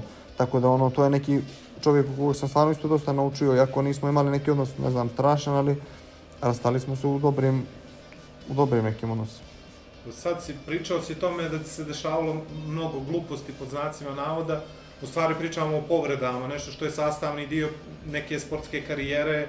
Danas se živi brzo, mnogo se trenira, moraš budeš posvećen, ti si veliki profesionalac, znam iz našeg odnosa, centrirao sam ti na 40 stepeni, radio si neke po meni sulude vježbe, ostajali smo po 3 sata na pomoćnom terenu, ovaj, na starom aerodromu i tad sam možda ja tek u stvari i kroz taj, to što si ti meni dozvolio da uopšte priđem i da ukapiram neke stvari, shvatio da, da nije futbal samo ono, eto, izađeš, pokažeš šta znaš i odeš kući, opet se vratiš za 7 dana da to odigraš. A, koliko te povrede su u stvari onemogućile te da napreduješ nekako u karijeri, da ti se ne poklopi u Holandiji, da ti se ne poklopi u Španiji, pa da dođeš u, u Slovačku, imaš, mislim za neko ko ima 24 godine, imaš nevjerovatan ono, onako CV, bio mnogo, radio mnogo, a negdje ja imam osjećaj da, da, da ti treba 10 utakmica u kontinuitetu, da ono, vratimo se na tih 18 godina kad si bio u centru pažnje. Da si turistički to prošao pa si viđao dosta za 24 godine, a ne živio Pa to je pa, da. Znači, to je nevjerovatno. Kad radio. zemlju, sve gradove. Dobro. Ka, kako, kako, kako gledaš to? Rekao si, zadnja loža, mononukleoza dok si bio u PSV-u koja te vraća, praktično restartuje, te, jeli? Sve što si radio, sve što si trenirao, ajmo nazad, sve opet. Povreda ukrštenih ligamenata koljena je jedna od dvije najteže sportske uz Ahilovu tetivu ovaj, u, u Španiji, silni oporavci, treninzi bez lopte, sa loptom, van tima, pa da se uklopiš, pa da te zavoli trener, pa da te shvati, pa da čuje tvoju priču. Koliko to sve negdje naporno, eh, don, koliko donosi stresa, akumulira, kako da se brani čovjek od toga? Pa, te, te, teško, baš teško. Ova, iskreno, kad toliko vremena provedeš u tom nekom periodu treninga i vraćanja, stalno neko vraćanje, vraćanje, vraćanja, sigurno da ono, uvijek si van, van tog nekog procesa, kad svi igraju utakmice, svi se spremaju za to, svi su ušli u taj neki ritam, ti si na tribinama sa strane, gledaš, na taj dan kad oni igraju utakmicu ti treniraš, dosta je, dosta je to komplikovano samo po sebi što se tiče psihičke strane, a fizički tek da ti ne pričam. Povreda koljena, ja se divim momcima koji nakon 5 mjeseci ili 6 vrate se na teren, igraju stalno utakmice i to, to mi je stvarno nevjerojatno. I, I žao mi je da vidim da takvi momci kasnije opet dožive te povrede. Ili neke slično ozbiljne ovaj, tim, meniskus ili ovi bočni ligamenti ili ahilotativa ili nebitno, da jednostavno svemu tome treba dati neko, neko određeno vrijeme da sam organizam se vrati u neku svoju normalu, a meni je trebalo stvarno dosta.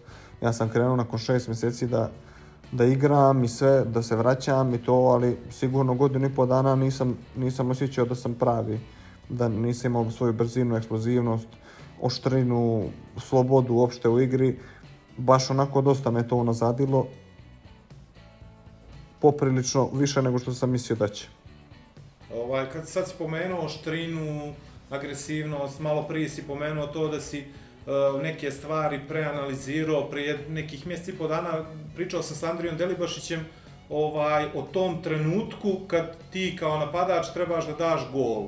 I mi sa tribina ili, ili negdje u nekoj fotelji gledajući taj TV prenos, mi mislimo da je to samo malo pored njega i, i to je to. U stvari su ti se sastavili pritisci, svi očekuju, ti znaš da je to možda jedna od dvije šanse koje ćeš imati za čitavu utakmicu, ti negdje pokušavaš da daš taj gol koji ne može da dođe, misliš da ćeš da ovaj da, Zavisi da prekineš neki loš niz, što kaže Igor i pretpostavljam da je mislio o vrećama para koje Treća, te čekaju, treća. treća, vreća Treća para, čeka. ako ga daš.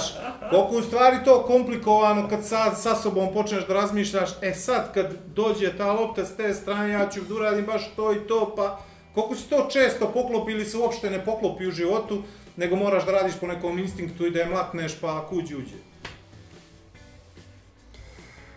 Pa no, sigurno da je što više razmišljaš što je gore, jel? Nekako u, u sportu koji je tren za trenom, akcija za akcijom, sve se novo dešava, samo razmišljanje o svim tim stvarima koje su se desile ili koje će tek da se dese, tebe vade iz ovog trenut, sadašnjeg trenutka u kojem se sve i dešava. Tako da, ne znam šta ti Andrija rekao, tata mi pominjao ste mali intervju i da je, da je bio super, ovaj, ali sigurno da što više vremena imaš da razmišljaš, to je gore u To je nekim to, tim to, situacijama. eto, to je, Jednostavno, upravo je to rekao. Da je najteže da daš gol kad kreneš sam s centra i imaš samo golmana ispred sebe. A da je najlakše Jeste, kad ti jeste. malo odskače pa samo prebaciš preko golmana. Eto, to je to. Ali pazi, Jeste. sva neke rutina... situacije ono, A, pa, izvini, Reci, reci. sva, sva rutina treninga te u stvari dovodi do toga da ti moraš mnogo da razmišljaš prije nego što dođe taj trenutak.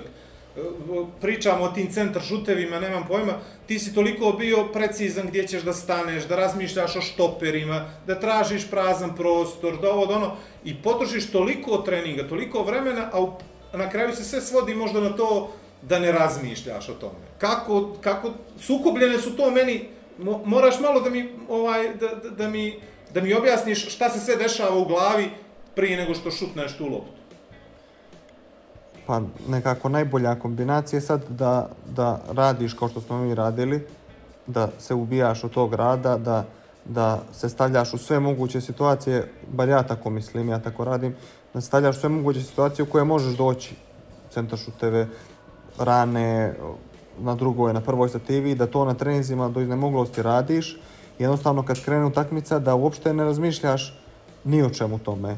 Jer toliko si puta bio u toj situaciji na treningu, zato i služi trening, da se dovedeš u tu neku rutinu, jednostavno kad ti već ide ona lopta ka tebi, ti klikne ti, to je bilo već 100 puta, 200 puta i znaš šta treba da radiš. Tako su to najbolje situacije neke kojima se sve brzo izigra, izigra i jednostavno samo, ti si samo tu da, da, da odraguješ u trenutku. Kad nema pripreme neke, zato je penal težak, zato što ti se namjestiš i gledaš golmana i gdje ćeš Tebi pogotovo, izvini. Pa dobro, ja penale ne štira loše. Ali ovaj, Trening, ja. jednostavno du- dug je taj proces. Tako da najbolje je da, da, da, da treniraš što više da bi po automatizmu radio neke stvari na utakmici. Super. E, pitanje od mene, možda i, možda i posljednje. E, dakle, futbaleri, e, poluvreme, gel za kosicu, losion, češalj neki, uvijek obrijani sređene bradice, gete, do koljena onako fino, pa se popravlja, pa izađe na teren, pa se još malo popravlja, pa veže vezice, pa ve... Je li stvarno vi to toliko razmišljate? Ne vi, svi. Sad, no, generalno pričam, zato što si ja živiš sa 20 momaka, jel? Ovaj, živite svi zajedno, pa možda mi uzmeš neki taj procenat. Koliko su ljudi svjesni svih tih kamera, svih tih žena, fotoaparata, agenata, Instagram profila koji gledaju, čekaju svaki njihov... Hoće Igor da te pita koliko je svima bitno da dobro izgledaju na terenu, a da ne razmišljaju možda negdje o, o futbalu. Ne jel? svima, no koliko ima takvih ljudi, E, koliko ih ima e, to je takvih, to. da. I Koliko se li... kultura futbalera promijenili futbal uopšte zbog tih silnih kamera koje se ja da postavim pitanje na moj Ne, način. brate, stani. Ajde. E, pa, i, i evo to što je Vlado pitao, to te ja pitam, ali na moj način, znači ovako, i jesi li ti jedan od tih, eto to je zaključak. Pa nisam siguran jedan od tih što se ispreloženo. Vidi ispreloženo, jel? Ovaj, e, pa sri- srijećeš dosta ljudi, na primjer ja imao sam sa igrače koji su se lickali i namještali sve frizuru i čuda, ali izađu na teren i ljudi istrče 13 km i izudaraju sve živo oko sebe i oni se ubiju od, od, od, rada, gdje se to jednostavno onako ne poklapa jedno s drugim, jel? Ali na- danas, u današnje vrijeme, svi žele da izgledaju najbolje što mogu i, i tome posvete dosta vremena, ali ja mislim kad krene, kad krene igra da ne znam ko je sposoban, osim eto, recimo Ronalda, ko je sposoban da razmišlja o izgledu, o izgledu u toku takvih stvari, jednostavno previše si obuzet važnošću utakmice da bi sad razmišljao kakva ti frizura. Znam, ali Kažem za- ti, on je stvarno specifičan. Da, ali za to služi polovreme, valjda. Da se namjesti frizura, jel? Ako se ja dobro razumio, pravila igre. Ko je dovoljno odmora na poluvrijeme da može i o tome, on to radi. Znači, polovreme presvučeš dres, ako si gliba, gete ili štucne, što bi rekli komentatori. I ovaj, iščetkaju se kopačke i izlaziš na polje u drugo polovreme sa jel, novim karticama u aparatima i nadaš se pravom fotki za Instagram večeras. Ovaj, Boris, malo smo pričali o, o, u stvari o tvojom trenutku u futbolskoj karijeri. Ja nešto, čak mi i drago, jednostavno i kad sam razgovarao s Igorom vezano za tvoje gostovanje u podcastu, o, želja mi je bila da pokažeš koliko si širok sa interesovanjima i koliko drugačije, pod znacima navoda, razmišljaš o, o futbalu, životu i sportu i tako dalje. Zato i neću da te pitam gdje si, šta si, šta će sledeće da se dešava i to za kraj. Uglavnom, moje omiljene za kraj je tri najbizarnija mjesta gdje si igrao futbal, gdje ti je bilo onako čudno, jako, i tri najljepša mjesta gdje si igrao futbal, gdje se osjećao ugodno, i koji futbaler možda na tebe uživo ostavio onako neki utisak da, da ono kažeš, e ovaj, ili mlad, ili nešto, ili da si prepoznao nekome nešto. Jer, na primjer, Bergwijn, jeli, koji je sad u Tottenhamu praktično bio s tobom u toj generaciji Young PSV-a. Jel, ajde malo o tome. Za kraj. Pa da se istuširaš, pošto smo te preznojili. E, pa tri najljepša mjesta. Sanchez Pizjuan, proti Sevilje. E, proti Saragosse La Romareda je bila full krcata puna i atmosfera je bila top. I treće mjesto,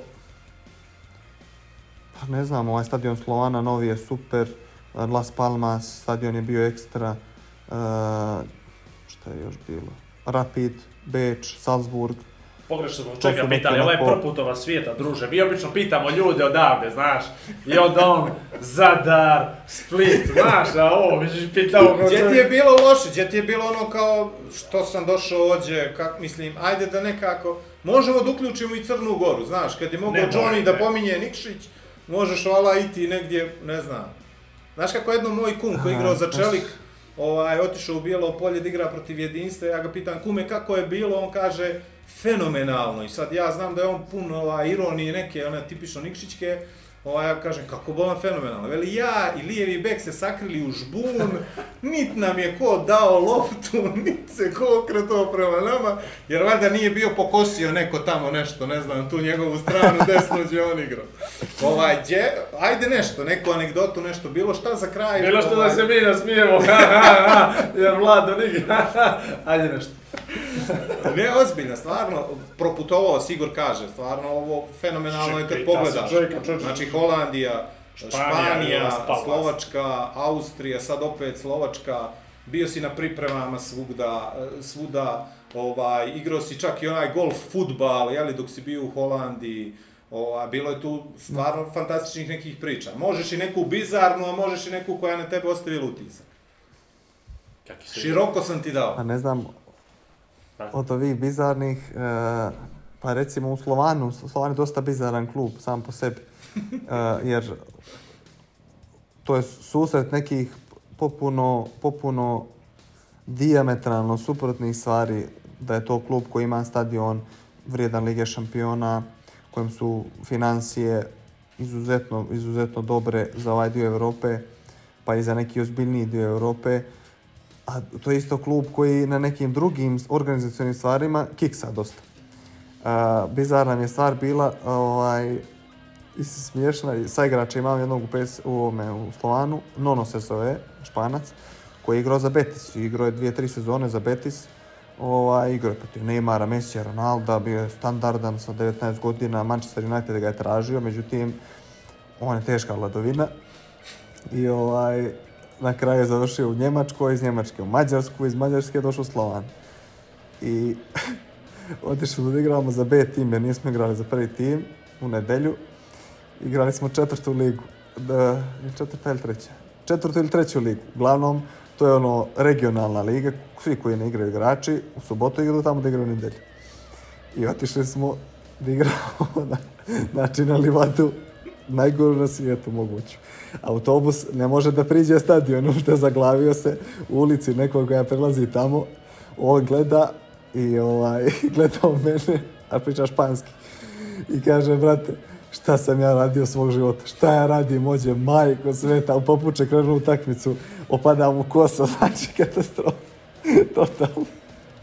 Koji lik. Znači- mi je bilo bizarno ono, gdje život sve u nekim trenucima ide gore dolje, a on se sad, sad se on vratio i igra standardno u prvom timu i vjerojatno će da se proda neđe, jer CV koji ima je nevjerovatan i kvalitet koji ima je nevjerovatan, ali koliko nisko možeš da paneš u nekim trenucima i opet da nastaviš. A, Vlado bi te još pitao, on voli još jedno pitanje, što mislite o vlasniku spomenara ovog, znači to, su, to je taj njegov pitanje za kraj, jel, kao... Ime prve simpatije Ime i to. prvo je to, ali nećemo, nećemo.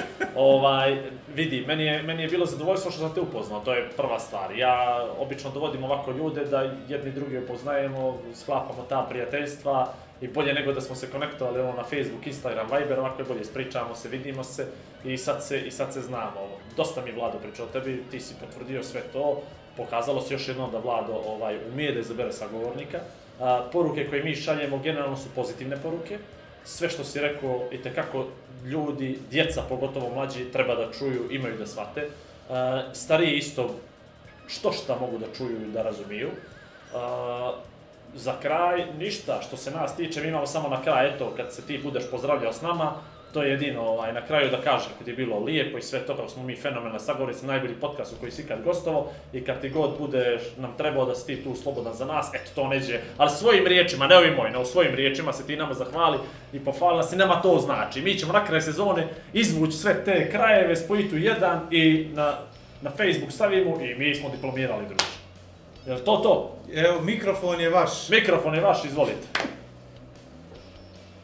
Pa ništa super iskustvo i za mene stvarno da ovaj, eto dobio sam neku platformu da kažem nešto što mislim, ovaj, da neki ljudi me upoznaju na neki drugi način i da se ovako ispričamo fino. Nismo imali priliku ni mi Vlad odavno, a i Igore mi da se upoznamo i da, da ovaj, ispričam ja svoju priču neku i da ljudi vide šta se sve ovaj, dešava s neke druge strane i da ne misle samo eto on je tamo, ima dobru platu i, i njemu je fino, ne mora da radi ništa Bravo, lako je da jednostavno to nije tako i da, je- i, da, i da je život dosta onako težak i da si odvojen od porodice dosta vremena i od djevojke, od prijatelja i da sve su to neke žrtve koje se podnose da bi se na nekom da se napuni 35 godina, da bi šta, ne bi morao da razmišljaš mnogo o tome šta ćeš dalje. Dvije ili tri?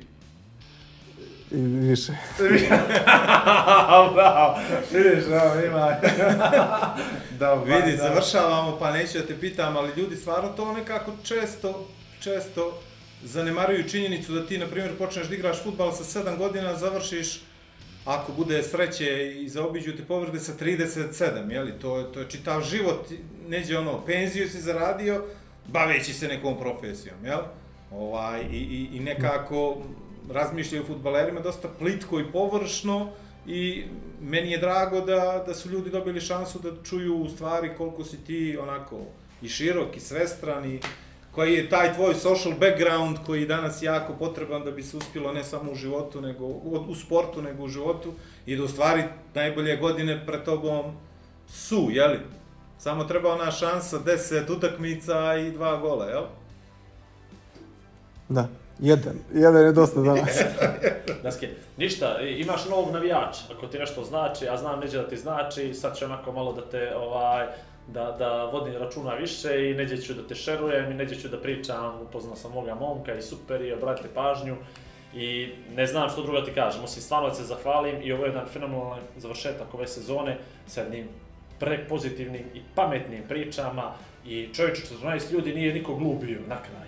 I na kraj smo nas dvica glupi spali, jes, jes. na kraj smo nas dvica. I vidi, Boća, sad će da te krene, znaš, od kako sam ja počeo sigurno da se družim, mene je krenulo ko što vidi. Da, sad kako si počeo ti s Vladom, uzima Vlado to drugi, a mene, a mene nije krenulo od kada on počeo samo da se druži, ali o to potom. Tebi je nizbrdo kao. A mene ne znam, mene.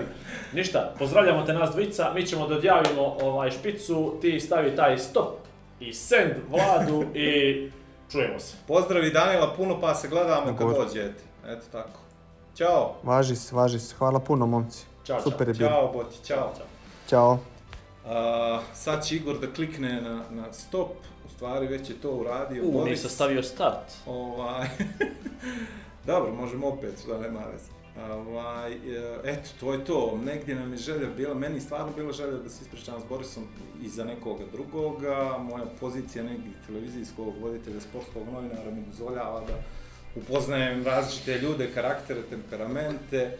I on je onako uvijek nekako bio, kako ti objasnim, ljudi, su ga potpuno pogrešno shvatali, znaš, on je uvijek nekako ljudima izgledao kao nadmen, arogantan, kao, evo čuo si, ne druži se s previše ljudi, ne, ne, ne širi taj krug ljudi viš, kojima smo takve, vjeruje. imali smo takvu podcast. Imali smo, Znaš, a ali- svi su uspjeli na svoj način, vidiš? Ali očigledno je to formula uspjeha. Vidi, Ha. a neko kog, za koga ljudi smatraju da je nadmen, da je arogantan, možda samo na veći level od njih. Možda, možda. Imam osjećaj da o sebi pričaš pa neću Ne, ja da ne bi ono pričamo o njemu, ne pričamo o tome, baš ljudi misle da sam arogantan, pa ljudi baš ne misle da sam arogantan. Ajde, završavamo ovu sezonu tako što ćemo se zahvaliti u braći Šeter. Pa ćeš tako završi sezonu. Da. Prekinuo si me u pol rečenice. e, Ne, pričam nego četiri ja ću, ja ću, moj dio, moj dio da završim. A njima A misliš da. Borisu da pričam? Govori su A pričamo. Boris, ako nisu shvatili za ovo sat i pol vremena koliko on genije, ovaj, to. Pa nisu, moraš ti da kažeš da do je njih. genij čovjek. Moraš da kažeš. Vidi, čim su podcast, Čim ti čim je završio ljude, podcast, on je čim genij. ti puštiš ljude da sami zaključuju, sve pođe naopako. Ja. Znači, ljudima moraš da ponudiš zaključak, a oni mogu da se ne slažu s tobom. Znači, ja zaključujem, ne, ne znam je li Boris genij, nije Boris genij, ali da je Boris jedno vaspitano, što je broj jedan, jako važno, uh, e, pomozi mi malo, Neću, brate. inteligentan, jeste, To je bio zica. ajde. školovan, I to je zica. sa dva jezika, jer se dobro razumiju, španski, holandski. I engleski. A engleski ti je A defaultni. dobro, ali tad, Dobro. prije šest godina... se- Slažem se. Znači sa tri jezika naučena da bi se on, da bi on dao na važnosti ljudima od kojih ide domaćina, A računaj sad Slovačka isto. to ne može da bude loš čovjek.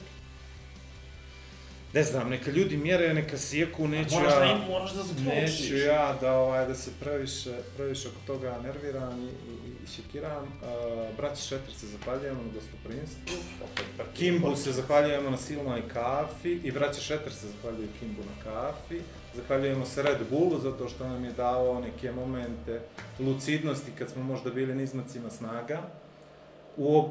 Ja sam rekao to iz Igora, da se, ovaj, da se razumijemo, pošto on trenira, znaš, sad je počeo da masu ovaj, podređuje definiciji i tako to.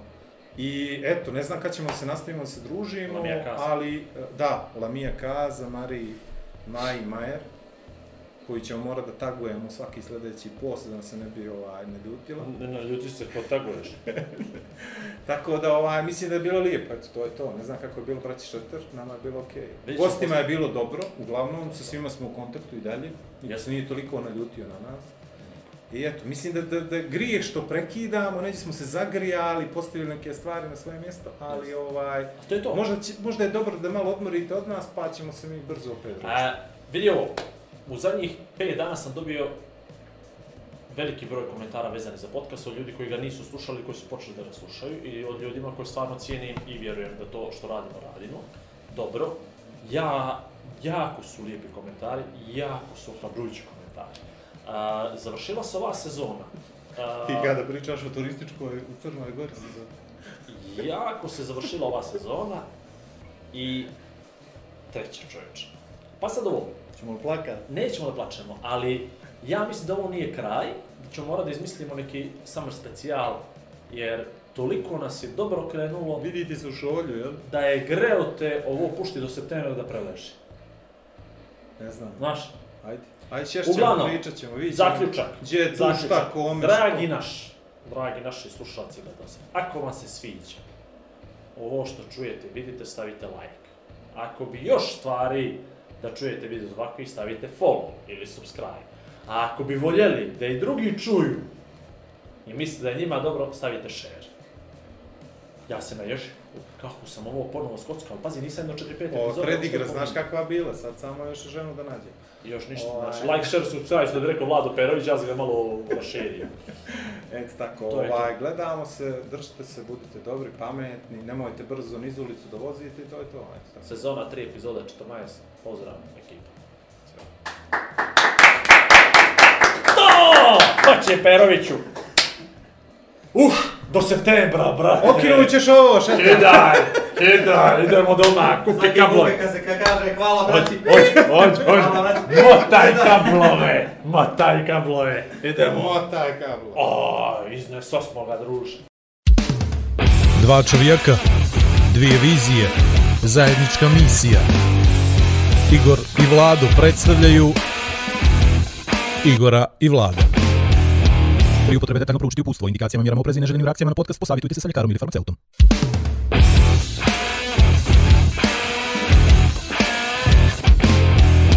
A da vi rečem...